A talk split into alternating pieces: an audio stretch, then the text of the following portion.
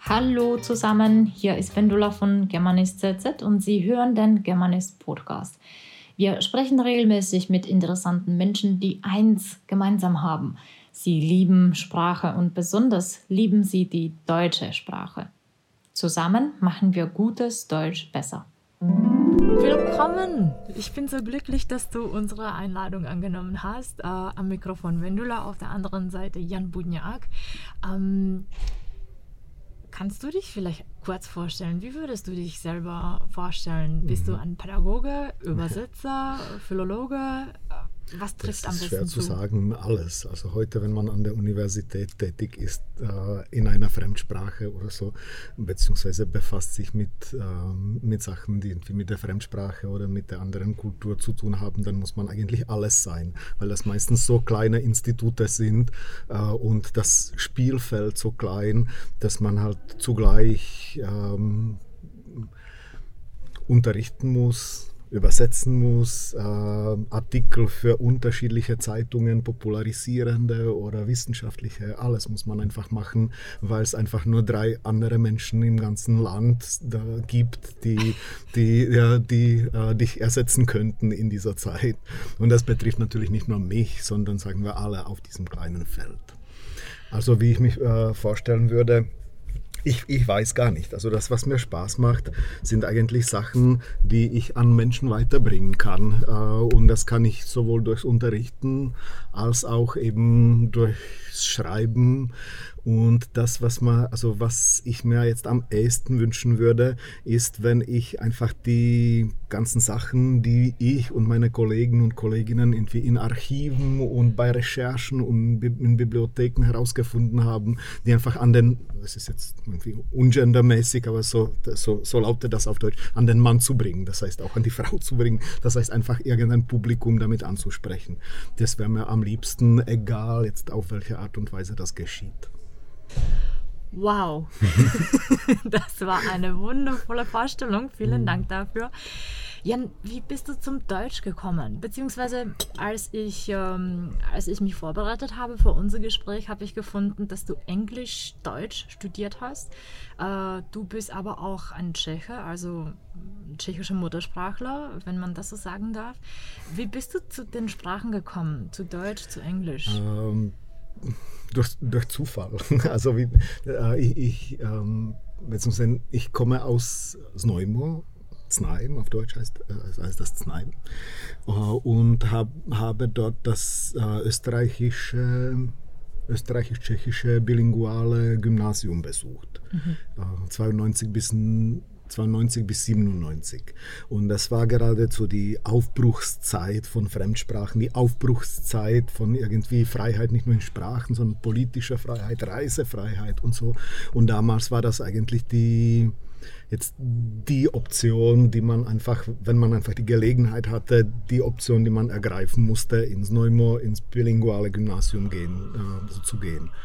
Äh, das heißt, da hat das dann so funktioniert, dass wir im ersten Jahr, da war ich so 14, 15, 20 Wochenstunden Deutsch oh. gehabt haben. Also wir haben 30 Stunden pro Woche, also Unterricht gehabt. 20 Stunden davon waren Deutsch und fünf Stunden davon waren, was weiß ich, Tschechisch und Turnen mhm. oder so, so. Irgend, irgend sowas. Das heißt, äh, meine wir, höhere Ausbildung oder diese gymnasiale Ausbildung ist auf Deutsch verlaufen und das ist nicht die einzige Sache. Die wichtigere Sache für mich war da gewesen, äh, dass, dass wir einfach perfekte äh, Lehrer und Lehrerinnen hatten, mhm. die den Mut gefasst haben, Anfang der 90er Jahre hinter den einzelnen Vorhang als Lehrer, mhm. hätte ich beinahe gesagt, zum Mission, also, äh, zur Mission Missioner. zu gehen, irgendwie zu missionieren. Aber so war das nicht gemeint. Also das waren einfach Menschen, ich würde fast eher sagen Abenteurer oder so, die, die, die, die einfach den Mut gehabt haben, jetzt diesen Schritt hinter die unbekannte Grenze zu machen als Lehrer und sich da irgendwie zu engagieren. Das heißt, das waren allesamt spannende Persönlichkeiten und allesamt Persönlichkeiten, die man sich meistens nicht als Lehrer vorstellt. Also die waren, die, die waren einfach ähm, unkonventionell mit einem Wort. Das heißt, da hat es für mich angefangen. Und dann, dann ist es einfach Das, das, konnte wahrscheinlich auch eine gute Motivation für dich sein, oder? Ja. ja. Also du hast was, das Vorbild gesehen und dann hast du gedacht, Deutsch, das ist vielleicht. Genau, genau, genau das, weil wir haben ja eigentlich kein, also außer, außer diesem ersten Jahr haben wir eigentlich explizit kein Deutsch gelernt oder fast kein Deutsch Aha. gelernt. Wir haben nach dem ersten Jahr haben wir einfach so, also äh, damals war das Gymnasium für fünf Jahre, jetzt ist es glaube ich länger. Ähm, aber wir haben dann im zweiten, dritten, vierten, fünften Jahr, wo, wo, wo wir maturiert haben, haben wir einfach fast kein Deutsch mehr gehabt oder nur Literatur und Sprach, also eigentlich nur Literatur und Kulturunterricht im Fach Deutsch, aber alle anderen Fächer haben wir auf Deutsch. Ähm, irgendwie gehört oder besprochen oder viel Lehrmaterialien. Das heißt, das ist der, der, der, Ansatz, den ich dann erst Jahre später an der Pädagogischen Fakultät hier in Brünn kennengelernt habe, den man CLIL nennt, Content and Language Integrated Learning. Und das haben wir Anfang der 90er Jahre in Znaim das betrieben. Das gab es schon. Das gab es schon zu der Zeit, ja, genau. Genau, also das, das, das, das, war, das war das Wichtige. Glaubst hm. du, dass, äh, dass es geholfen hat, nicht nur Grammatik, Wortschatz etc. zu lernen, sondern wirklich Inhalte auf Deutsch zu lernen? Oder weil, ne, also meine Frage lautet, was sollen die Deutschlernende tun, um erfolgreich zu werden? Das, äh, also ich, ich, hätte eigentlich zwei Arten von Antwort darauf. Die eine ist halt diese biografisch bedingte bei mir, mhm. also wie das bei mir gelaufen ist. Aber da bin ich mir absolut bewusst, dass das vielleicht jetzt eine individuelle Angelegenheit, also dass das mit mir zusammenhängt, dass das eine individuelle Angelegenheit ist. So, ich habe Deutsch gelernt eben durchs Lesen und durch, durch das Besprechen von bestimmten Sachen, die mit der Sprache nicht zusammenhängen. Also so, so habe ich, so hab ich Deutsch gelernt.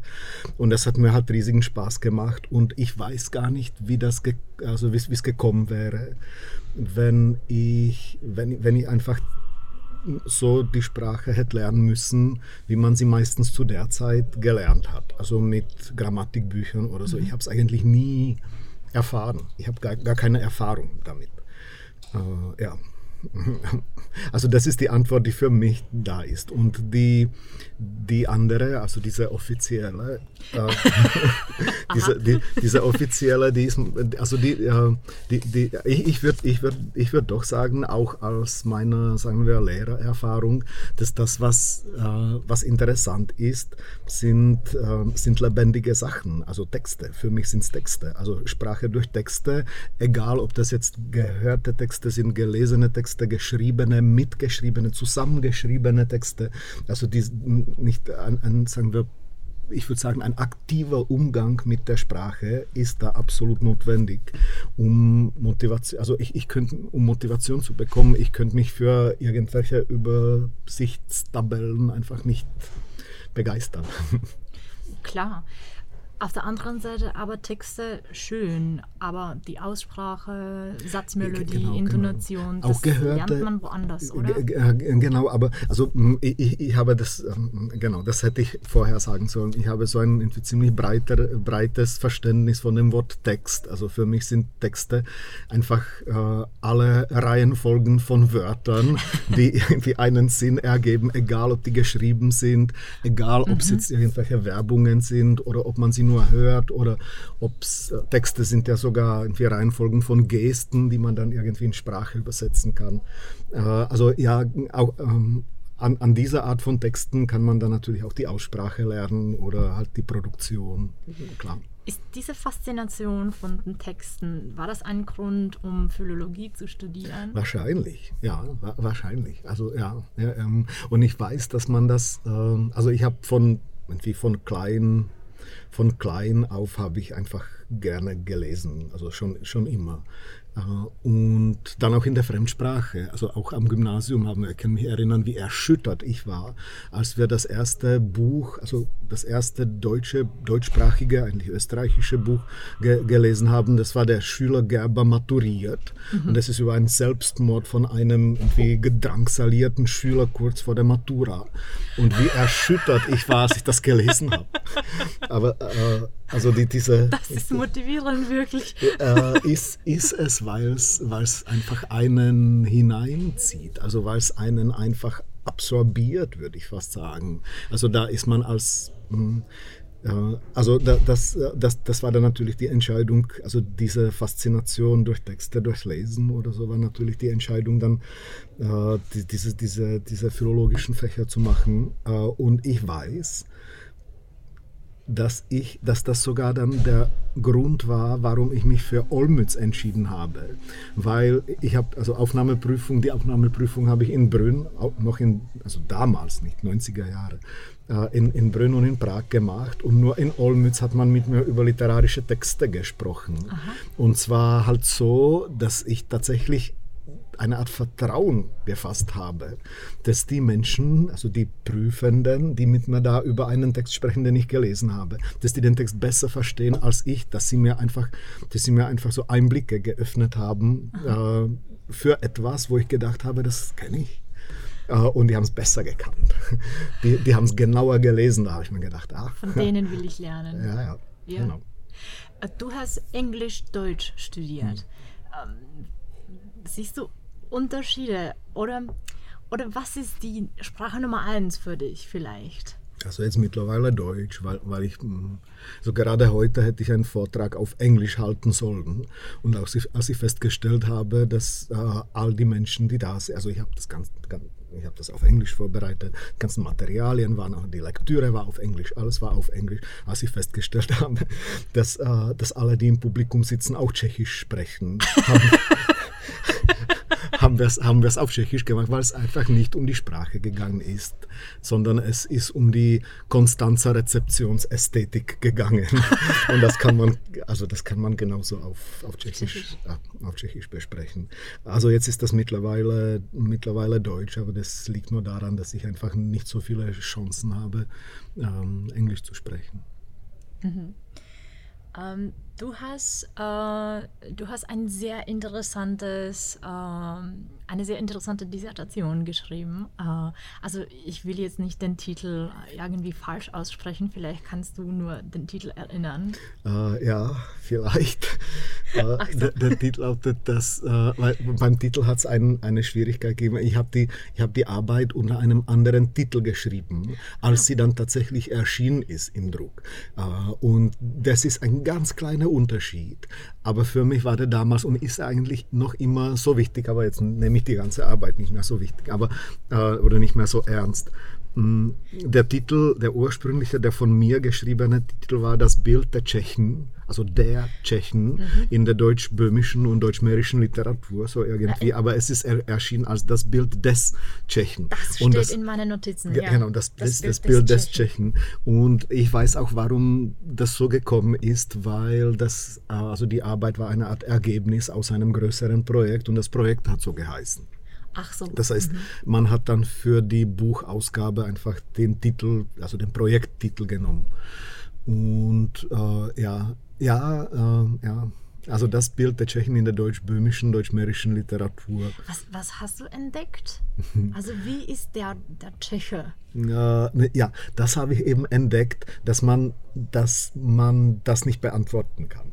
Also äh, das, das, das, das, ist, das, ist gerade, ähm, das, das ist gerade das, also was ich entdeckt habe, was ich nicht erwartet habe und was selbst die sagen wir, die Betreuer von diesem Projekt nicht erwartet haben, ist, äh, dass die literarischen Repräsentationen, also die literarischen Schilderungen von tschechischen Figuren in deutsch-mährischen, deutsch-böhmischen Texten, dass die so vielfältig sein werden.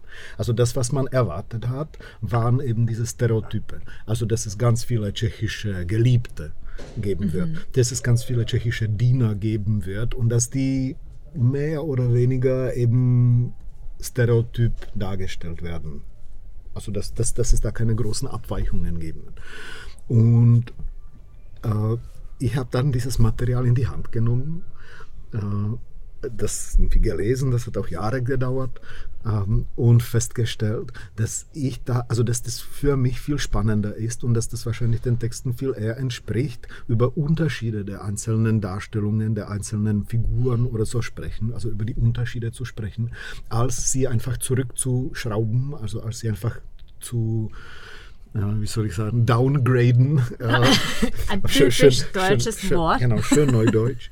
Also als sie, als sie down zu graden oder zu down, keine Ahnung, äh, auf eben ein stereotypes Bild und das, äh, also es gibt tatsächlich ähm, tschechische, also Figuren von tschechischen Geliebten, die, was weiß ich, extrem geheimnisvoll sind. Oder dann gibt es welche, äh, die zum Beispiel als Verführerinnen oder sagen wir als Hexen äh, dargestellt werden. Dann gibt es welche, die tatsächlich eine Art Licht bringen ins, und das, also, ähm, in, in das Leben des, des, des Protagonisten. Also dabei der. Äh, und das ist das, was irgendwie für mich aus der ganzen Arbeit, äh, also was ich der Arbeit irgendwie entnommen habe oder diesem, dieser ganzen Beschäftigung mit den Texten, ist, dass sobald man die Texte genau liest, sobald man halt nicht irgendwelche allgemeinen Formeln wiedergibt, äh, sondern sich tatsächlich auf die Texte einlässt, wird das spannend. Also dann leistet die Literatur einfach diese Differenzierungsarbeit. Sie, sie, sie bildet bunte Welten ab und äh, nicht irgendwelche literaturhistorischen Formeln oder Erfahrungen der Autoren oder egal was. Also Literatur ist immer spannender als das, was man über sie sagt. also es ist noch besser, als man erwarten kann. Ja, ja. Also, und das, also das hat sich bei mir bestätigt. Also diese, diese, diese, diese Erwartung, die so, sobald ich irgendwie einen Text öffne, stelle ich fest, äh, dass das alles viel komplexer ist, als ich angenommen habe. Und es freut mich das ist ein Anreiz zum Lesen. Du hast auch an Übersetzungen gearbeitet. Ähm, ich habe gefunden, die Räuber, Sturm und Drang. Also das sind diese Spiegeltexte, links Deutsch, rechts Tschechisch. Mhm. Ähm, musst du eher ein Literat oder ein Linguist sein, um Texte zu übersetzen? Hm. Ich glaube, du musst viel lesen, um Texte, und zwar in beiden Sprachen, um Texte zu übersetzen. Also das, was ich äh, hm, naja, also Linguist oder Literat, die Frage kann ich nicht, das kann ich nicht, also ich glaube beides, also dann, äh, das kann ich nicht entscheiden, aber ich glaube, äh, du musst vor allem einfach die Augen offen halten gegenüber ganz, ganz vielen Variationen der, der, der Wörter, der Bedeutungen, der Zusammenhänge. Und das ist vielleicht primär eine Art, ähm, wie, wie soll ich sagen, eine Art ähm, ja, äh, Lesebereitschaft oder so. Äh, aber die, die gibt es natürlich nicht ohne Sprachkenntnisse das, oder ohne Spracherfahrung vielleicht. Ähm, das schon. Na, zu, zu diesen, ich, ich will vielleicht noch eine Sache zu diesen Spiegeltexten sagen. Das war damals der Wunsch von dem Verlag. Ich hätte es natürlich irgendwie, ich hätte es wahrscheinlich anders gemacht. Also das, was mir eher gefällt, sind, und es ist in der deutschen Tradition oder in der deutschsprachigen Tradition jetzt auch schon da, aber in der englischsprachigen ist das viel stärker. Die sind diese unterschiedlichen Ebenen, unterschiedlich vereinfachter Texte, die aber trotzdem, sagen wir, vielleicht von einer Schriftstellerin oder einem Schriftsteller nacherzählt werden. Und das, das, das ist das, womit ich auch als Lehrer, Englischlehrer oder Deutschlehrer oder so die besten Erfahrungen gemacht habe. Also wenn das ein Text ist, der motivierend ist für die Lesenden und wenn er sprachlich nicht zu einfach und nicht zu schwer ist, dann ist das einfach, dann, äh, dann, äh, nicht, dann, dann brauchst du nichts anderes für die Stunde. Also du musst nur das passende Niveau finden. Genau. Mhm. Und das ist effizienter hm, hm. als, als der Diese Spiegeltext wortwörtlich übersetzt. Ja, würde ich sagen. Genau, ja, das würde ich sagen. Das würde ich, ja, mhm. das würde ich bestätigen. Ist unglaublich interessant, aber du bist nicht nur ähm, also du arbeitest nicht nur an der Universität, äh, du schreibst nicht nur Texte, liest Texte und übersetzt Texte, du bist auch ein ganz guter Pädagoge. Du hast sogar auch einen Preis bekommen dafür. Mhm was muss man machen als Lehrer, äh, um einen Preis zu bekommen? Äh, kannst du uns ein paar Tipps und Tricks geben? Wir ah, wollen genauso gut sein wie du. Okay. ja, die Frage ist, äh, wie viele Preise oder welche Preise für Lehrer es? und Lehrerinnen es gibt. Ich glaube, das also, ähm, also das, was, was, was man machen muss, um einen Preis zu bekommen, das weiß ich natürlich nicht. Das war schon wieder irgendwie ein Zufall. Aber ich, das ist sehr schwer zu verallgemeinern. Also ich glaube, vielleicht müsste man einfach das machen, was man, äh, also was man für richtig hält. Aber das, was man für richtig hält, muss man immer in Frage stellen, würde, würde ich fast sagen. Mhm. Ähm, also nicht, ich, ich möchte es jetzt nicht, dass das so verstanden wird, dass man irgendwie äh, die Universität verlässt und dann ist man ein fertiger Lehrer oder eine fertige Lehrerin. Äh, ich glaube, also nicht auch die didaktischen Konzepte, die ändern sich eigentlich massiv. Zum Beispiel, was weiß ich, was die, also Textdidaktik, Landeskundendidaktik oder so, das ändert, das hat sich innerhalb von, was weiß ich, den letzten 20, 30 Jahren mehr, mehrmals geändert. Es sind immer wieder neue Ansätze gekommen und ich halte die neuesten jetzt aktuell irgendwie für sehr interessant. Also diese ganzen transkulturellen Sachen und wie man, wie man einfach mit der Kulturalität und mit einer Art ähm, ähm, mit einer Art, ähm, ich, weiß, ich, weiß, gar nicht, wie ich das nennen sollte, mit, mit so einer Art Aufmerksamkeit gegenüber Kulturalität im eigenen und im Fremden, äh, also wie man, wie man damit umgeht. Wenn man zum Beispiel das irgendwie in den Unterricht hineinbringen kann, und das kann man auch auf A1-Niveau, A2-Niveau oder so, also das kann man tatsächlich. Äh, dann, dann, dann ist das gut und davon hätte man vor 20 Jahren oder so überhaupt nichts gehört nicht. Also äh, ich, ich glaube, man muss das machen, was man für richtig hält. Das ist der, mhm. die eine, der eine Teil. Und der andere, Teil, der, der, der andere Teil ist, dass man daran arbeiten muss, und zwar sehr intensiv arbeiten muss, also daran, was man für richtig hält. Also zugleich muss das definitiv auch Spaß machen, ne? also ja. wenn man so viel Arbeit ja, ja, reinsteckt. Ja, ja, ja, schon, schon, schon, schon. Ge genau, also wenn's, das, das ist natürlich die Faustregel Nummer eins. Nicht, wenn, äh, wenn mich das langweilt und wenn das Menschen langweilt, dann ist bei mir was falsch. da ist, ähm, ja. Aber das, ich glaube, das merkt man nicht. Also das was, das, was mir nicht gefällt, ist, ist, wenn irgendjemand sagt, ich habe das so schön vorbereitet und das hat niemanden interessiert dann hat, hast du das wahrscheinlich nicht so, äh, irgendwie nicht so schön vorbereitet oder ja. dann hast du irgendwie einen ein Fehler in der Rechnung irgendwo. Ja. Oder hm. bist du an einem Thema interessiert, das niemanden interessiert und ja, dann, oder vielleicht ja, das ist auch eine Möglichkeit. Das, kann, das, das kann sein, aber ich glaube, man kann halt alle Themen irgendwie interessant bearbeiten, bloß die, die, du musst auf die, auf die Zielgruppe schauen. So ein bisschen. Das also, ist vielleicht ja, auch hm, der hm, nächste hm, Schritt. Also hm, die Zielgruppe ist auch ganz wichtig. Was macht dir Spaß? Also was magst du? Äh, sind das Texte lesen, schreiben, übersetzen, unterrichten äh, oder sogar auch spielen. Also ich weiß, dass du auch hm. äh, im Theater tätig bist. Warst, nicht mehr. Ach, keine nicht mehr. Zeit, keine Ach Zeit, so. keine Zeit. Also ich habe, ja, ja, ja, also das, was mir Spaß macht, ist ähm, das Gemeinsame, äh, das Gemeinsame an diesen Sachen, die du aufgezählt hast, also unterrichten, lesen, äh, übersetzen, Theater spielen oder so, ist einfach äh, also dass es um Texte und Menschen geht. Also das ist irgendwie ein Text im Spannungsfeld, in einer Interaktion von Menschen, im Spannungsfeld, in, einem kommunikativ, in einer kommunikativen Situation, würde ich sagen. Und das, das, das, das ist das. Also was ich nicht mag, sind Vorträge. Das, was ich nicht mag, sind also wenn, wenn, die wenn du halten musst oder die sind die schlimmsten. Die sind, die sind natürlich die schlimmsten, die ich halten muss. Aber die, also äh, es gibt auch welche, an denen ich teilnehme, die sehr gut sind, also die sehr bereichernd sind. Äh, das, ja, also es, es, es gibt so ein paar Menschen, die es richtig gut können. Aber also ähm, das, das, das, was, also das, was mir am meisten Spaß macht, ist einfach, ähm, also wenn mit dem Text was passiert, entweder in der Diskussion oder im Verständnis oder auf der Bühne oder eben in der Übertragung zwischen Sprachen, Kulturen. Also wenn der Text irgendwie sich bewegt, also mhm. wenn es zu einem Austausch kommt. Ja. Mhm. Unglaublich.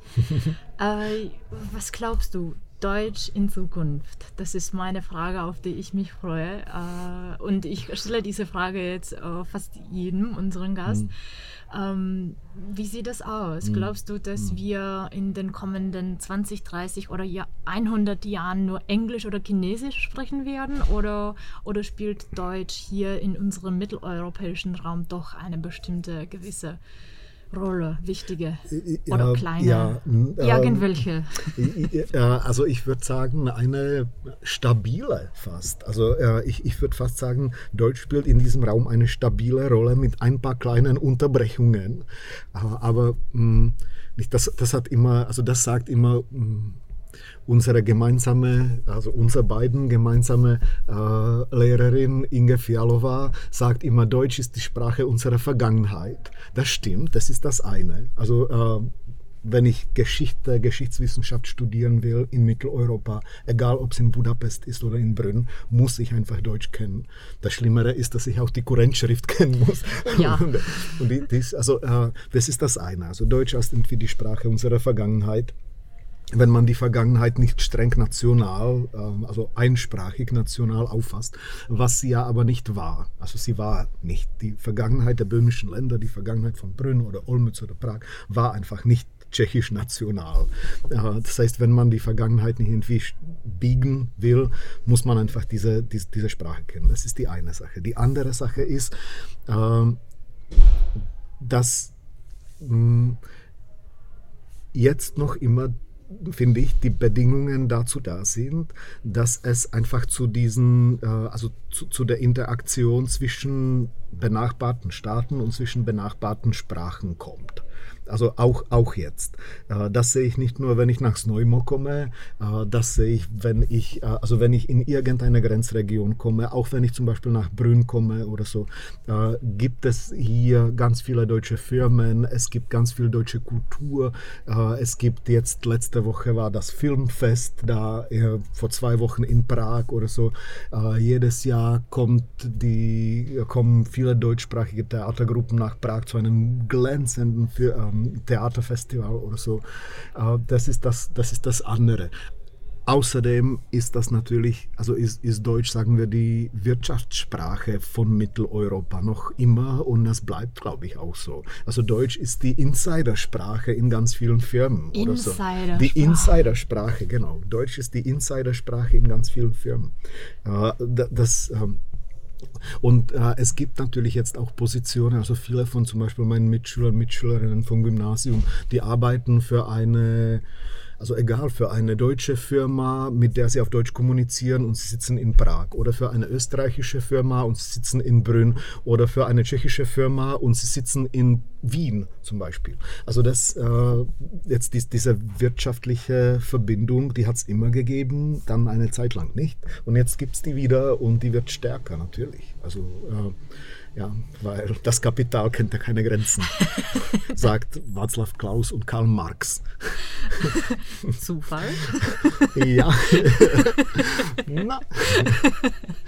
Okay, also Politik, das ist äh, nicht unser Thema. Hm. Äh, aber äh, also dann würdest du sagen, dass äh, es definitiv äh, vom Vorteil ist, Deutsch zu lernen, immer noch. Mhm. Ja, ja, ja, ja, ja, ja. Auch, auch einfach deswegen, weil es eine, einfach nur, weil es eine Fremdsprache ist.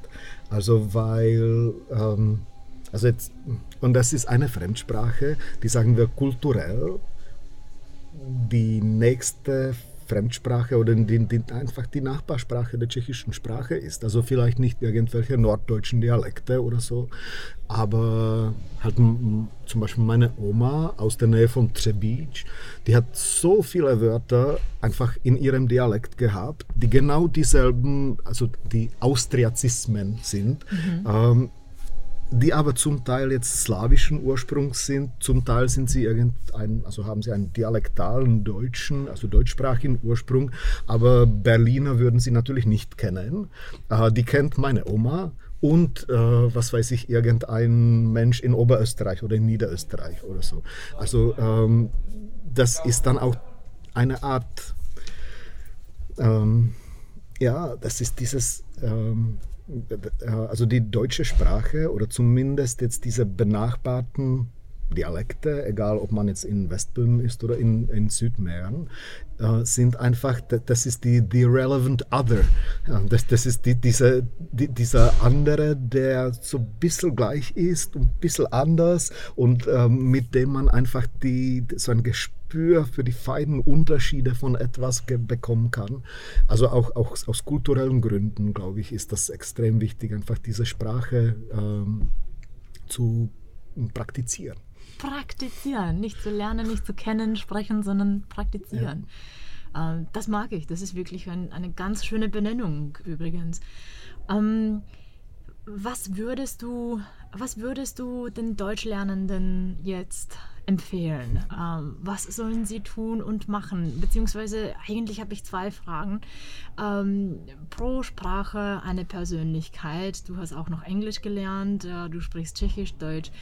Die erste Frage, stimmt das? Also, also mhm. fühlst du dich als äh, drei Menschen in einem Körper und die zwei oder nicht? Und die zweite dann, äh, was soll man damit machen? Also wenn man schon eine Fremdsprache lernt, mhm. ähm, woran oder worauf soll man achten oder mhm.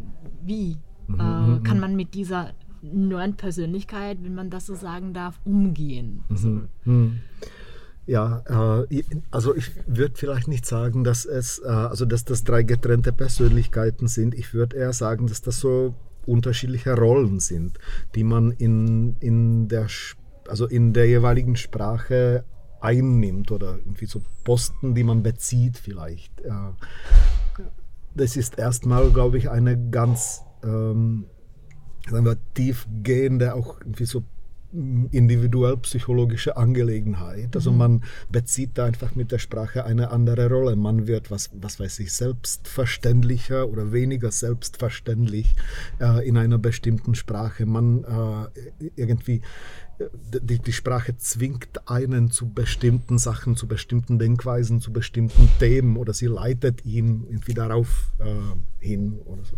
Äh, das, äh, das, das, das, das, das, würde ich schon sagen. Also ich merke bei ganz vielen Menschen, die in mehr Sprachen, äh, also die in mehr Sprachen äh, sagen wir, unterwegs sind, äh, dass, dass, dass sie einfach so ein kleines bisschen anders sind, je nachdem, welche Sprache sie sprechen. Und das hat freilich irgendwie soziologische oder soziale und auch psychologische ähm, Gründe. Das, das, das, das würde ich schon mal sagen.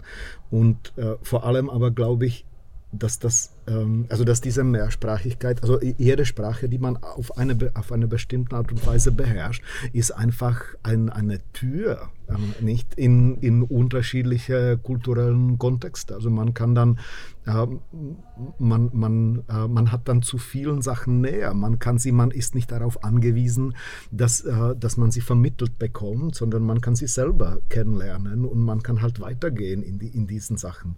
Man kann alles Mögliche konfrontieren. Also das ist eine Art ähm, wieder Schule dessen, wie man, wie man einfach die Unterschiede bemerkt. Also äh, ähm, man wird dann, glaube ich, ähm, man wird dann endgültig los, also man wird die Vorstellung los, dass man irgendwo im Zentrum von etwas ist. Also dann ist einfach alles dann ist einfach alles aushandelbar, dann ist alles relativ, dann, ist, dann merkst du eigentlich, okay, ich suche jetzt, das, das, das siehst du, aber ich glaube, ich habe das Wort gefunden jetzt.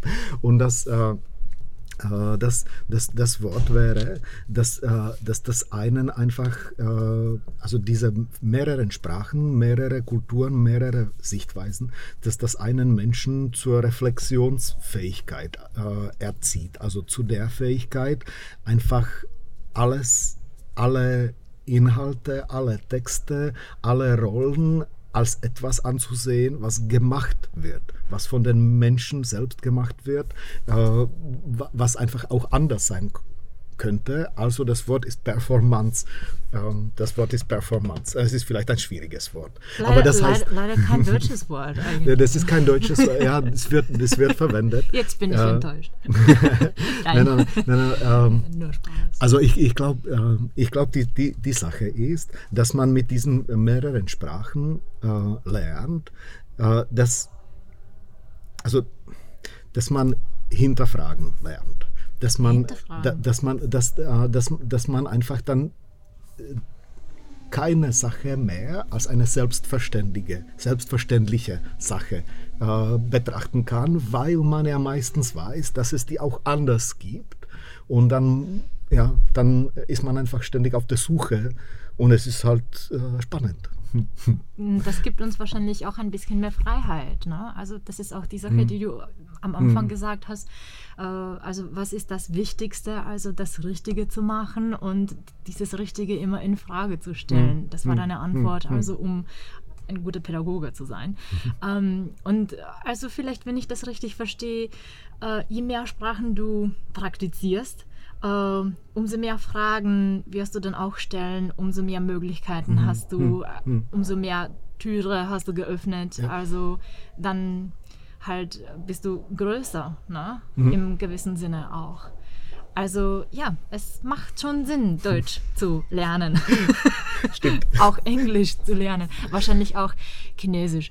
Kannst du dir auch vorstellen, Chinesisch zu lernen oder Chinesisch zu praktizieren? Ja, ja also vorstellen kann ich mir das schon, aber ich, hm, ja, vorstellen kann ich mir das schon, aber hm, ich bin also das, das, was mir gefällt, sind halt, hm, beziehungsweise ich, ich ähm, kann es schwer vertragen, einfach äh, größere kulturelle Unterschiede. Also ich kann sie nicht verkraften. Also für mich sind die kleinen kulturellen Unterschiede zwischen, was weiß ich, also meinem Verständnis von Kultur und dem ungarischen oder, also so, das ist für mich irgendwie groß genug äh, zum, zum, zum Entdecken. Also diese großen kulturellen Sprünge sind, also ich habe ich hab immer so eine Art Angst, dass ich die nicht meistern kann, dass ich dann in unterschiedliche eben Stereotype oder so irgendwie äh, zurückfallen würde vielleicht, wir sind fast am Ende uh, unseres Interviews, du hast meistern gesagt. Ähm, wie ist das aber zum Beispiel mit Deutsch, Englisch oder mit den Texten, die du schreibst oder übersetzt?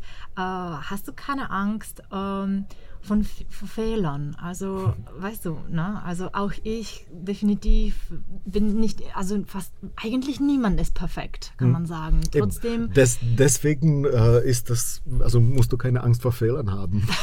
du musst sie nur lange, lange suchen, aber das wird, äh, es, es werden immer welche kommen. Ja. Und das ist natürlich in Ordnung, ja, sie zu machen. Klar, ne? klar. Also äh, äh, klar, und bei, bei Büchern ist das natürlich einfacher, weil die, also die lese ich, dann schicke ich sie, was weiß ich, an einen Lektor oder eine Lektorin, dann bekomme ich das zurück, dann zieht sich das noch jemand anders an, dann schicke ich das noch an Freunde weiter, die sich das anschauen, die sagen, das ist gut, das ist irgendwie, also so, äh, das ist das, was mir gerade gefällt an diesem wissenschaftlichen Betrieb, weil es einfach, ähm, das, das also diese unterschiedlichen Sichtweisen, die unterschiedlichen Perspektiven, die dann am Ende äh, den, den Texten viel besser machen. Ja. Das, äh, ja, und wenn, wenn, da irgendwas Falsches irgendwie äh, übrig bleibt, dann ist das auch kein Problem. Dann hat man zumindest dann eine schöne Anekdote daraus. Das ist ja perfekt. Also vielleicht nur eine Message auch ein ganz typisch deutsches Wort für unsere Zuhörer, äh, dass die Fehler sind halt okay. Also, weil in meiner Praxis ähm, fast täglich äh, betreffe ich oder ich spreche mit den Lernenden, die einfach nicht sprechen wollen, weil sie eben Angst haben, mhm. dass sie Fehler machen etc. Aber das ist doch normal und äh, ich glaube, dass auch dank der Fehler kann man einfach weitergehen. Ne? Also die sind eigentlich auch vielleicht nötig. Also man mhm. muss Fehler hm. machen. Ja, klar. Um ja, ja, ja, ja, auf jeden Fall sage ich für unsere Zuhörerinnen und Zuhörer. Oh, ja, man Dank. muss Fehler machen, je mehr, desto besser. vielen Dank für deine Unterstützung. Und äh, vielen Dank auch für ein ganz, äh, ein ganz schönes und äh, wunderschönes äh, Gespräch. Äh, es hat mir wirklich Spaß gemacht. Äh, ich habe viel Neues erfahren und ja, ich wünsche dir auch viel Spaß und viel Erfolg weiter an der Universität mit allen Texten, mit allen Lernenden, mit allen Sprachen, mit denen du beschäftigt bist und nur so weiter. Vielen Dank. Danke für die Einladung und danke für die nette Stunde.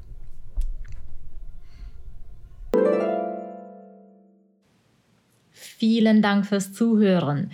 Wenn Ihnen diese Folge gefallen hat und Sie den Germanist Podcast unterstützen möchten, teilen Sie ihn bitte mit anderen. Posten Sie darüber oder hinterlassen Sie uns eine Bewertung. Möchten Sie mehr über Deutsch erfahren, können Sie uns auf Instagram unter germanistzz folgen.